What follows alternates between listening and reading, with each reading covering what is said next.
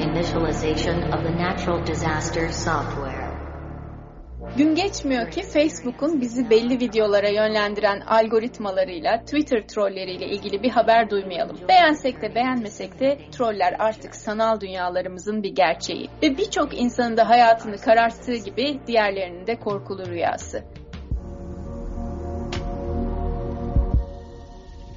Merhaba, ben Aygen Aytaç. Derdimiz Medya serisinin bu dördüncü bölümünde Hilal Köylü ile dijital okyanusların karanlık sularına dalıp trolleri keşfedeceğiz. Adından da belli olduğu gibi sosyal medya aslında sosyalleşmek, fikir alışverişinde bulunmak için yaratılmıştı. Ama eskiden hep dutluk olan bu yerlerde artık troller cirit atıyor. Zehir saçıyorlar.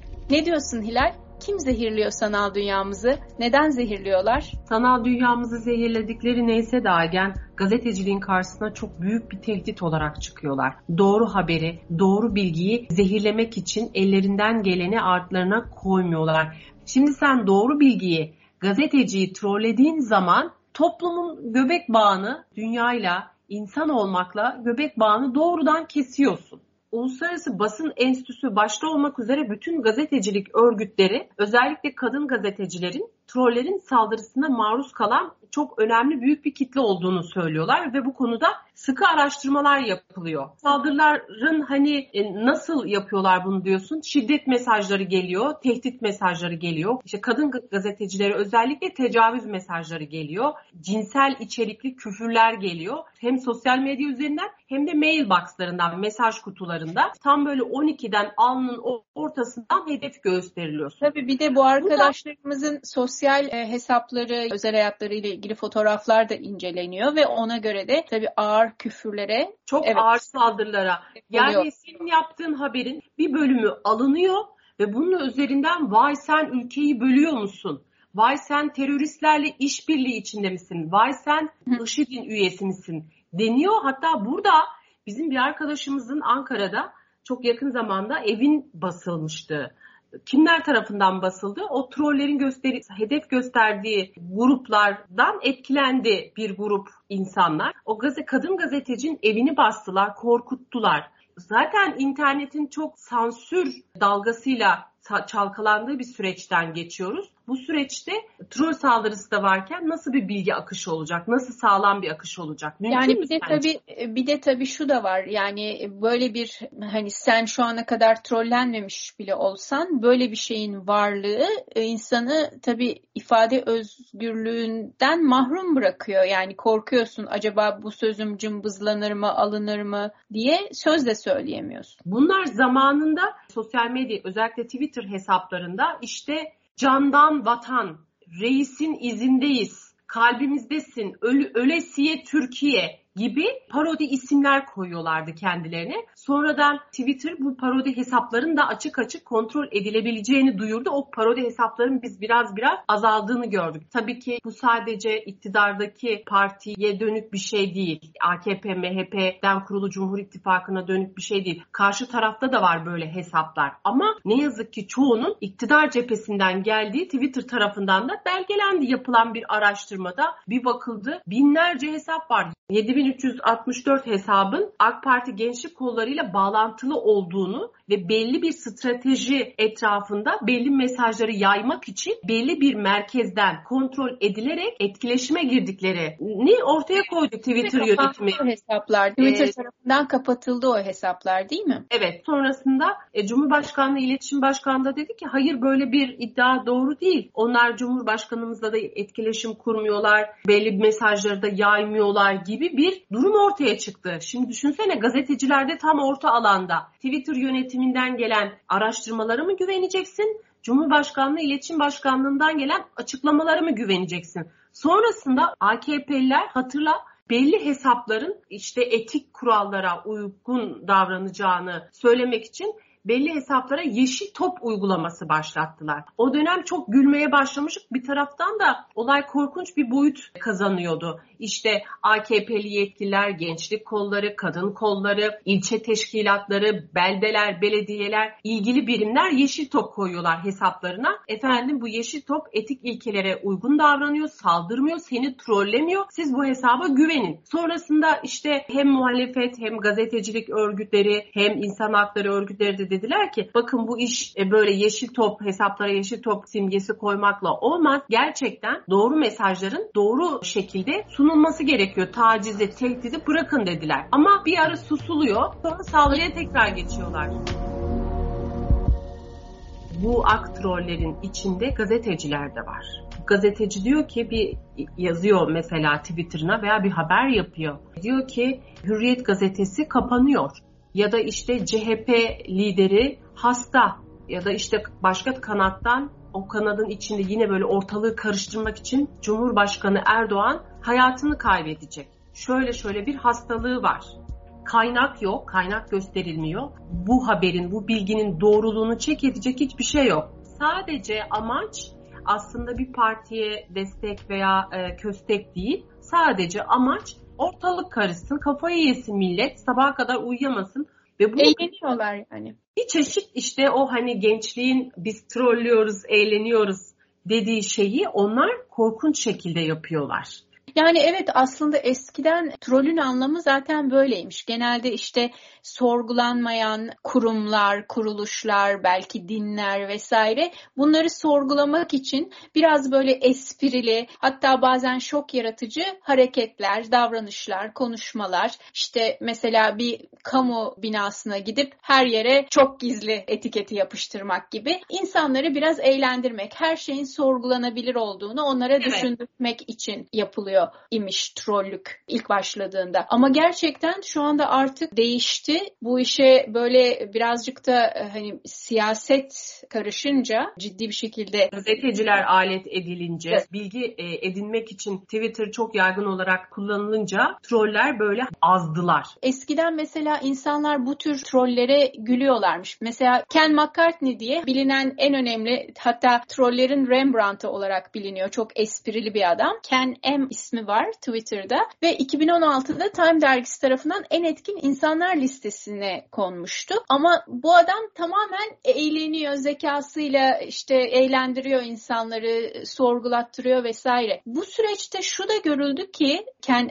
M gibi hesaplara gelen tepkilerden insanlar inanmaya da eğilimli. İnsanların inanmaya eğilimli olması bu tür yalan haberlere mesela bizde de şimdi Zaytung haberlerine gibi hani bazısı da inanıyordur. Belki şimdi biz gülüyoruz ama buna inananlar da olduğu görülünce iletişim teknolojilerinin de gelişmesiyle bu işte kötücül trollerin bir iş kolu haline geldi. E, bunun üzerine Uluslararası Basın Enstitüsü, bütün gazetecilik dernekleri araştırmalar yapıyor okuduklarımda şöyle bir e, tespit var. Eğer gerçekten finanse edilerek, organize edilerek belli ekipler yönlendiriliyorsa, Twitter'a salınıyorsa o ülkede gerçekten iletişim özgürlüğü, gazetecilerin e, hayatları, onun ötesindeki toplum sağlığı tehdit altında deniyor. Görünen köy kılavuz istemez. Hatta böyle örnekleri var bunun. Bir hesap vardı Polite Melanie diye. Bu böyle genç, siyahi bir Amerikalıya ait bir hesap gibi görünüyordu. Ve mesajlarıyla inanılmaz böyle Amerikalılara dost vesaire gibi göründü. İşte CNN, Amerikan gazeteleri onu işte onun tweetlerini yayınladı vesaire. Hatta kendi tweetleri bile değildi bu yayınlanan haftanın tweeti seçilen mesajlar. Başkalarından çaldığı ya da retweetlediği mesajlardı. Ve ondan sonra ortaya çıktı ki bu bir Rus hesabı. Yani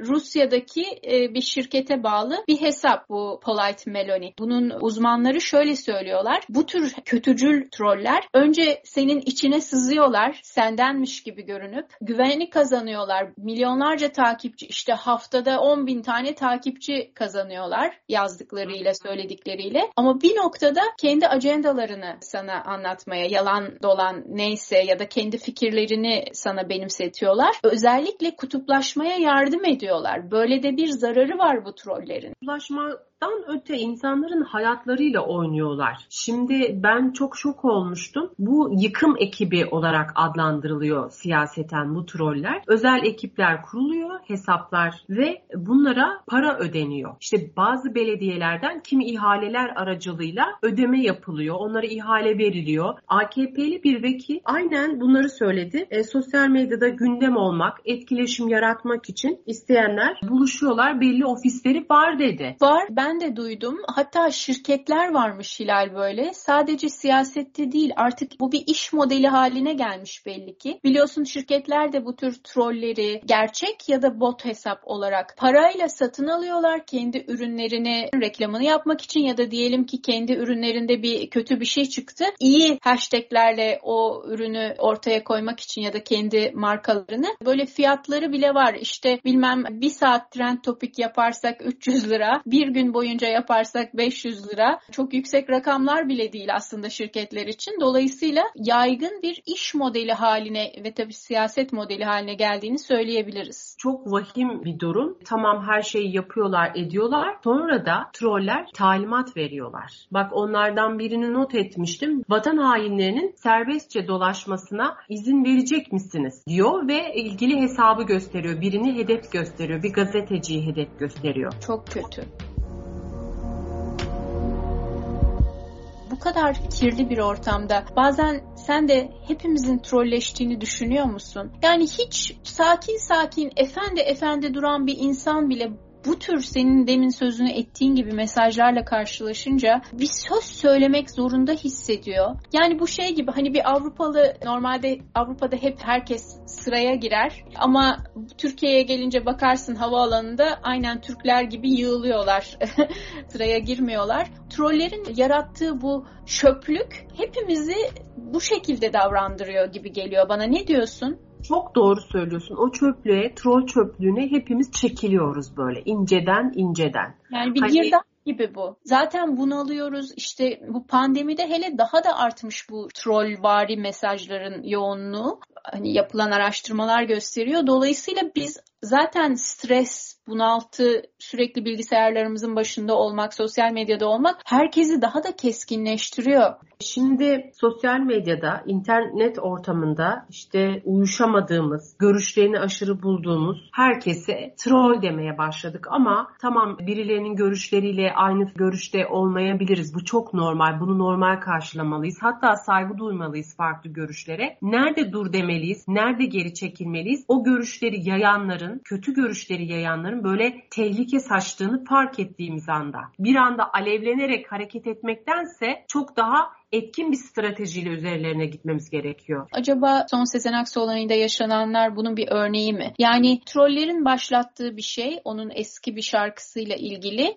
ve çok da benzer mesajlardı paylaşılanlar. O troll mesajları çok belliydi. Birdenbire toplumun her kesiminden itiraz gelince bir sustular. Ama evet. hani bu ille de trollük yaparak değil yani küfrederek ya da saldırganlıkla değil ama belki de onurlu bir karşı duruş iyi olabilir. Karşı duruş evet orada o karşı duruşun çok iyi belirlenmesi gerekiyor. Sindirmeden öte karşı tarafa doğruyu anlatmak gerekiyor. Bizim evet. dediğim e, doğru gazeteciliğe, iyi gazeteciliğe geliyoruz. Gerçi bu tür insanlarla doğruyu tartışmak ne kadar akıllıca bilemiyorum. Çünkü onların amacı doğruyu bulmak değil ki. Bir yandaşlık, bir holiganlık aslında değil mi? Evet evet tartışma yapmaktansa doğru mesajı yaymaya çalışmak, doğruda ısrar etmek, ısrarcı olmak en makul çözüm. Ben Başka öyle görüyorum. mücadele edilebilir sence? Burada da hukuk yolu açılmış bir suç olduğu söyleniyor ama yine de birçok kadın gazeteci özellikle cinsel içerikli tehdit alan kadın gazetecilerin çoğu e, hukuk yoluna gitmektense suskun kalmayı tercih ediyor. Hani çünkü siz Türkiye'de de bir yargı bağımsızlığı konusunda sıkıntı var. Hani insanları hukuka yönlendiremediğiniz bir ortam yaşıyorsunuz. Çok flu bir dönem. Ama bazı ben de mesela bazı arkadaşlarımın dava açtıklarında o kendilerine saldıran trolleri susturduklarını öğrendim. Evet illa da hukuk dememiz gerekiyor. Orada ısrar etmemiz gerekiyor ama yargı bağımsızlığı konusunda da hükümetin daha çok adım atması gerekiyor. Dahası böyle kişilik haklarına saldıran trollere karşı e, hükümetin gerçekten bir şey yaptığına toplumun kanaat getirmesi gerekiyor.